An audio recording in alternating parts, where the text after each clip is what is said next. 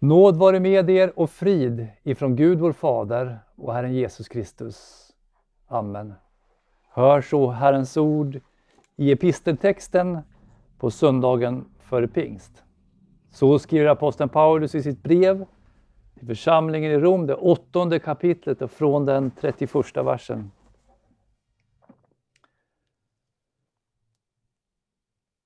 Vad ska vi nu säga om detta? Är Gud för oss, vem kan då vara emot oss? Han som inte skonade sin egen son utan utlämnade honom för oss alla, hur skulle han kunna annat än också skänka oss allt med honom? Vem kan anklaga Guds utvalda? Gud är den som frikänner. Vem är det som fördömer? Kristus Jesus är den som har dött, ja än mer, den som har blivit uppväckt och som sitter på Guds högra sida och ber för oss. Vem kan skilja oss från Kristi kärlek? Nöd eller ångest, förföljelse eller hunger, nakenhet, fara eller svärd. Det står ju skrivet, för din skull dödas vi hela dagen. Vi räknas som slaktfår. Men i allt detta vinner vi en överväldigande seger genom honom som har älskat oss. Ty jag är viss om att varken död eller liv, varken änglar eller furstar, varken något som nu är eller något som skall komma, varken makter, höjd eller djup eller något annat skapat skall kunna skilja oss från Guds kärlek i Kristus Jesus, vår Herre. Amen. Herre, helga oss i sanningen. Ditt ord är sanning. Amen.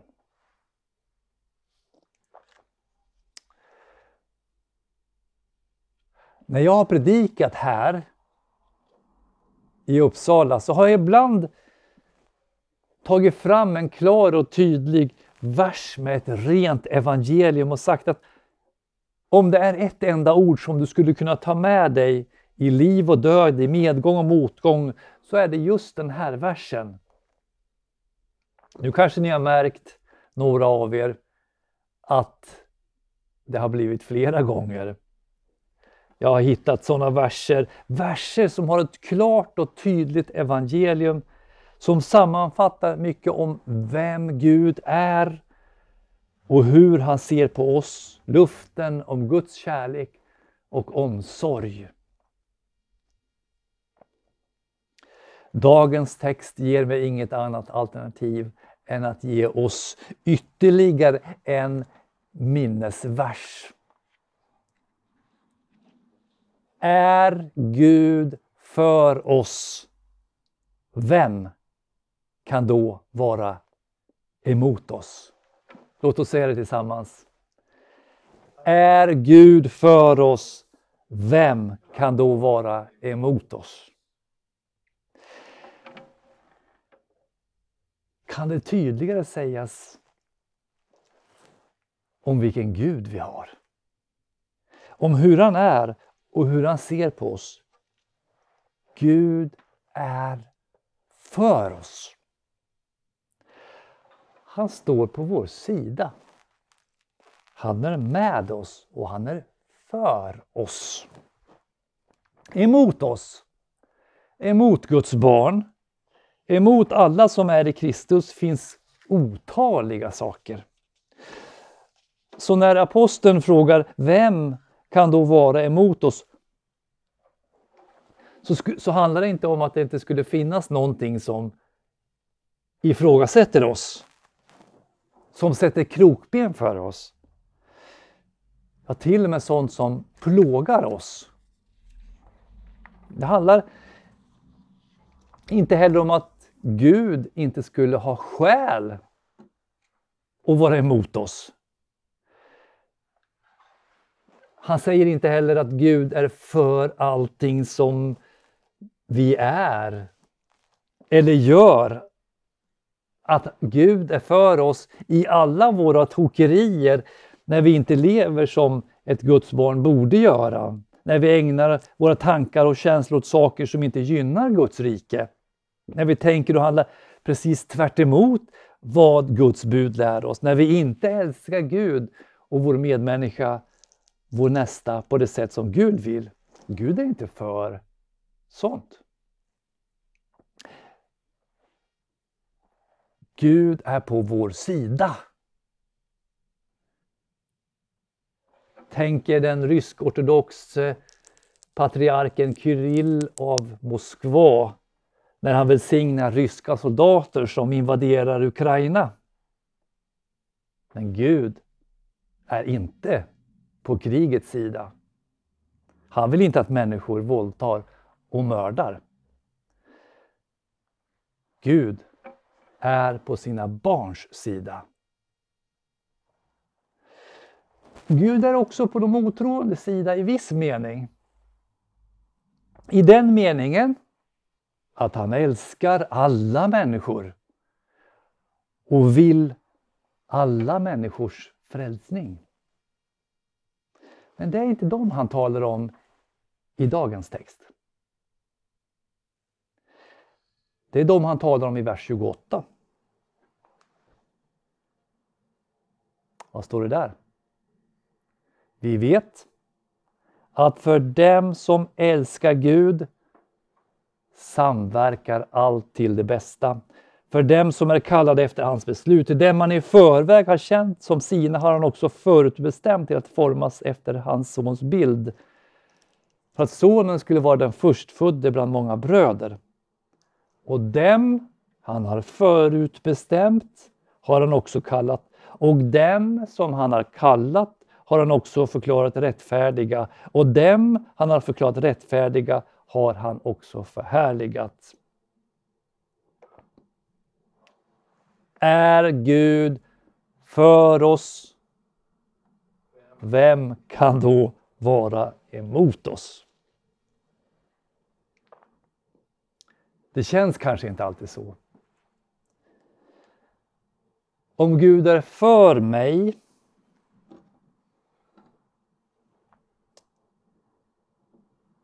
Hur kan det vara så att så många saker i omvärlden är emot mig? Kanske någon tänker. Det faktum att saker och ting inte går min egen väg, tyder inte det på att de här orden inte handlar om mig?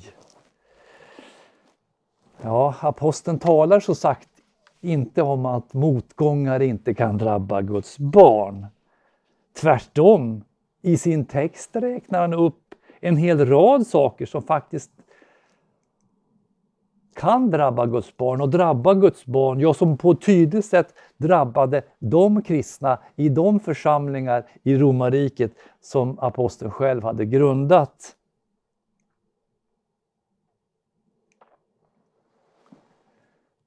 Nöd eller ångest? Förföljelse eller hunger? Nakenhet? Fara eller svärd? Ja, han citerar till och med psalm 44, vers 23 i vers 36.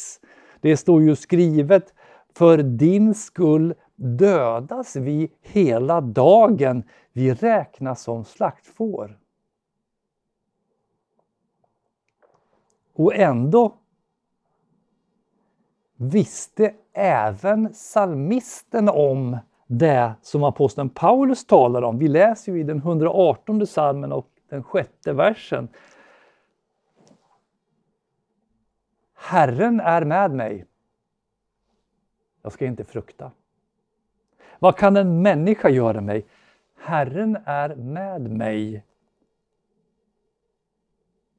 Han är min hjälpare. Jag kan utan fruktan se på dem som hatar mig.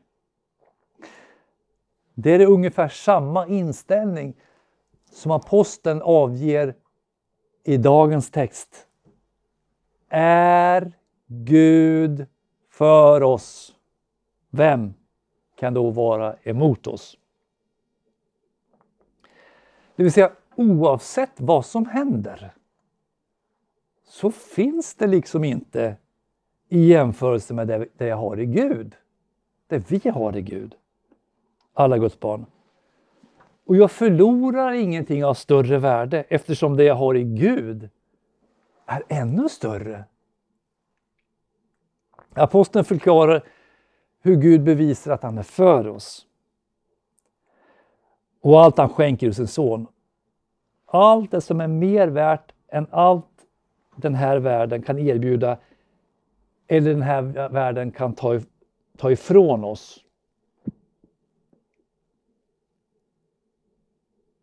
När han säger,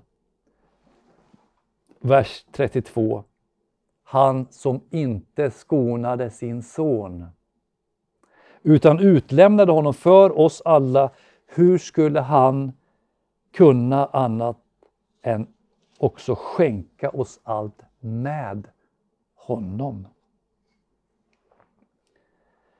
Att Gud är på vår sida visade han genom att han inte skonade sin son, sin enfödde son. Jesus Kristus, Guds son, föddes i Betlehem för vår skull. Han blev människa för vår skull. Han levde ett liv i lydnad för Guds lag för vår skull. Och som oskyldig lät han, lät han sig dömas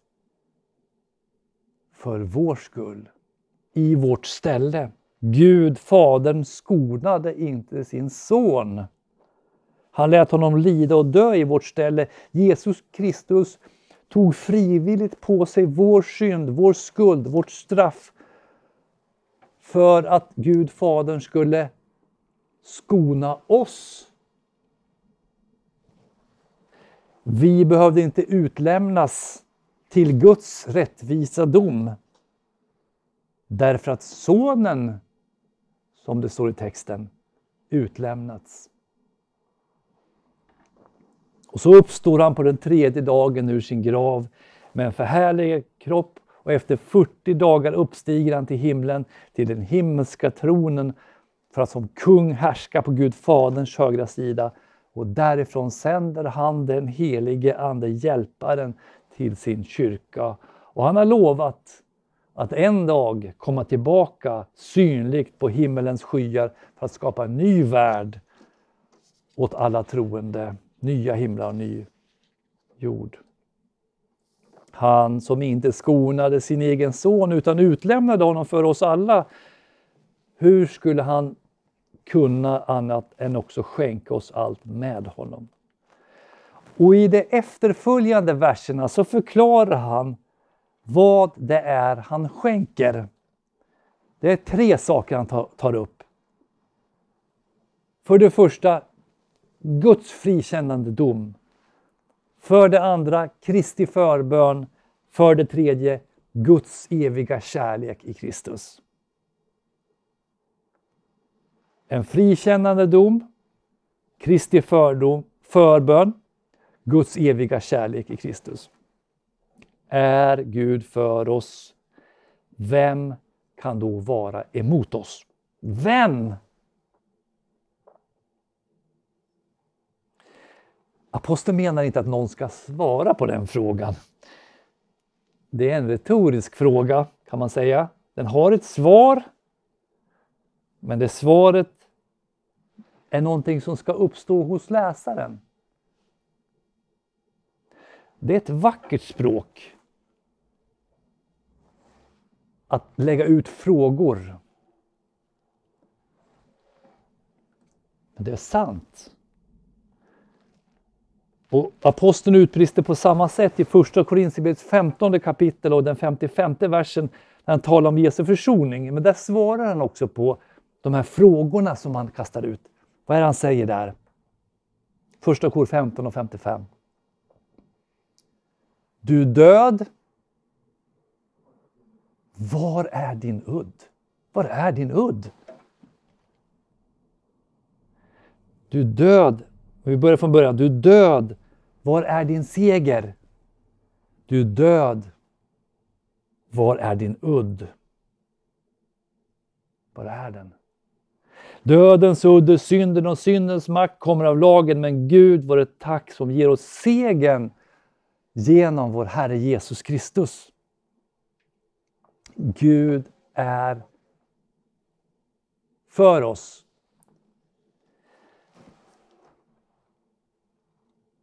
Inte bara i den mån vi lyckats hålla hans lag, lyda hans bud. Inte bara i den mån vi lyckas förbli troende och bedjande. I den mån vi förblir kärleksfulla och goda. Han är för oss redan på korset. Han är för oss genom dopet. Han är för oss när han förlåter oss genom den heliga avlösningen. Han är för oss när vi tar del av nattvarden, altarets sakrament, Kristi kropp och blod under bröd och vin. Där visar han att han är för oss. Romarbrevet 8 har ett rättegångsscenario, alltså finns ju rättegångstermer här, precis som det finns i, i Romarbrevet 3. Gud är domare. Människan sitter på den åtalades bänk. Bevisen är tydliga. Vi har missat att vara så kärlek, kärleksfulla som vi borde. Vi misslyckas med att ha så rena och kärleksfulla tankar som vi borde ha. Vi har inte alltid räckt ut handen till vår medmänniska, vår nästa. Vi har inte alltid sagt goda saker i rätt tid. Och lagen föreskriver en fällande dom. Syndens lön är döden. Tänk så fantastiskt att han som skulle döma oss är på vår sida. Inte på grund av vår oskuld, utan på att Jesus Kristus, Guds son, låtit domen falla över sig själv. Skulden är betald, straffet är avtjänat och därför kan aposteln säga vad då? Vem kan vem kan anklaga Guds utvalda? Vem kan anklaga Guds utvalda? Gud är den som frikänner. Vem är den som fördömer? Kristus Jesus är den som har dött, ja än med den som har blivit uppväckt och sitter på Guds högra sida och ber för oss. Eller, för att sammanfatta. Ska vi säga det tillsammans? Är Gud för oss, vem kan då vara emot oss? Känner du att samvetet anklagar, att Guds lag anklagar? Låt oss ge samvetet och lagen rätt. Vi har, vi har felat. Men Gud har ändå frikänt oss. Han har förklarat oss rättfärdiga för Kristi skull. I honom har vi syndernas förlåtelse. Jesu, hans sons blod, renar från all synd. 1 Johannes 1 och 7. I oss själva är det mörkt, men inför Gud står vi klädda i Jesu Kristi rättfärdighet. Och den redningen skedde redan innan vi såg den. På korset, genom Jesus är allting färdigt. Och om det fortfarande är saker som skaver och klämmer, Kristus, Guds son, vädjar för oss, ber för oss. Precis som han vädjar för oss, precis som en advokat, en försvarare på Guds, Gud Faderns högra sida. Kristus, Jesus, står det i dagens text, är den som har dött. Ja, än mer den som har blivit uppväckt och sitter på Guds högra sida och ber för oss. Aposteln Johannes skriver, 1 Johannes 2, vers 1. Mina, barn, mina kära barn. Detta skriver jag till er för att ni inte skall synda. Men om någon syndar har vi en som för vår talan inför Fadern. Jesus Kristus som är rättfärdig. Är Gud för oss? Vem kan då vara emot oss? Det är väl ändå, bröder och systrar, det är väl ändå det största och viktigaste att vi är rättfärdiga inför Gud för Kristi skull genom tron. Då är vi ju också hans älskade barn och medborgare i hans rike. Då har vi löfte om att på den yttersta dagen uppstå med våra förhärliga kropp, förhärligade kroppar för att för alltid få leva i en ny värld, en ny jord med nya himlar. Och då förbleknar ju allting av det som vi tyckte var motgångar.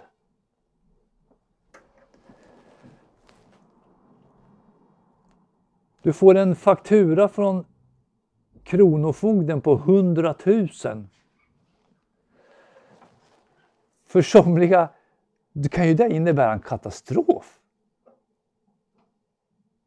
Man måste gå ifrån hus och hem. För den som inga pengar har. Men om man samtidigt har vunnit 100 miljoner på lotteri eller fått 100 miljoner i testamente. Det betyder ju ingenting. Eller hur? Om man ingenting har så betyder en sak katastrof. Har man fått mer då betyder det ingenting. Och på samma sätt ger aposteln de rätta perspektiven som vi måste påminna oss ibland. Vem kan skilja oss ifrån Kristi kärlek? Nöd? Eller ångest? Förföljelse? Eller hunger? Nakenhet? Fara? Eller svärd? Det står skrivet, för din skull dödas vi hela dagen, vi räknas som slaktfår. Men i allt detta vinner vi en överväldigande seger genom honom som har älskat oss. Ty jag är viss om att varken död eller liv, varken änglar eller furstar, varken något som nu är eller något som skall komma, Varken makter, höjd eller djup eller något annat skapat skall kunna skilja oss från Guds kärlek i Kristus Jesus, vår Herre. I Sverige har vi kanske inte de stora bekymmer som församlingarna i romarriket kände av när judarna förtalade församlingarna konspirerade mot församlingarna, när romarna började dra de kristna inför rätta, när de utelämnades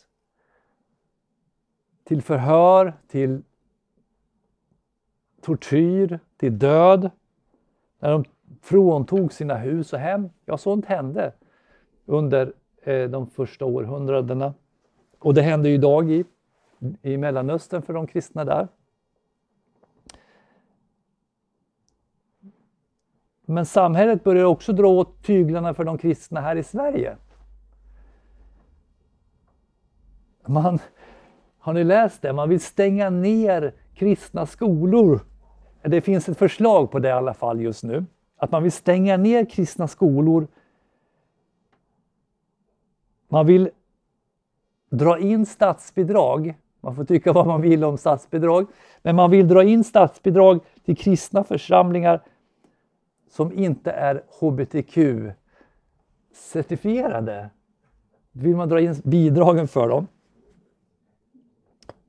En avhandling nyligen av Karin Kittelman Flensner för bara ett par, några år sedan, par år sedan visade att en ateistisk grundinställning råder i flera skolor. Religiösa upplevdes fästa sig märkliga irrationella regler och man kunde tala om dem som ointelligenta eller psykiskt sjuka. I svenska skolor. När man frågade ut kristna ungdomar i svenska skolor om hur de upplevde det, så svarade man att vi måste alltid försvara oss. En lektion var jag tvungen att gå ut för att de började attackera mig. Jag orkade inte vara kvar. Lärarna verkar tro att de är rebelliska när de angriper kristen tro. De tror att de attackerar makten, men de är bara mobbare. Så var det eh, några elever som svarade. Och så kan det också vara på arbetsplatser. Man upplevs udda för att man inte rättar sig i ledet. Ja, folk är emot den ibland, så kan det vara. Men det viktiga är vad dagens text lär oss. Vad då? Är Gud för oss? Vem kan då vara emot oss? Är Gud för oss? Vem kan då vara emot oss? Romarbrevet 8.31. Luther upplevde samma sak på sin tid med problem, förföljelse, när påvens allierade furstar rustade sina styrkor mot lutheranerna i, i norra Tyskland. Luther diktar i salmen Vår Gud, han är vår fasta borg. Luthers psalmbok 926, vers 4. Och tar det från oss hem barn, maka, liv och lem. Allt sammans kan de få. De vinner dig därpå. Guds rike vi behåller. De kan ta det som är tillfälligt och begränsat. Sånt som är ett sandkorn i evigheten, eller hur? Det betyder ingenting, för vi har ju det största och bästa kvar som de inte kan ta ifrån oss. Vadå? Vers 39. Guds kärlek i Kristus Jesus.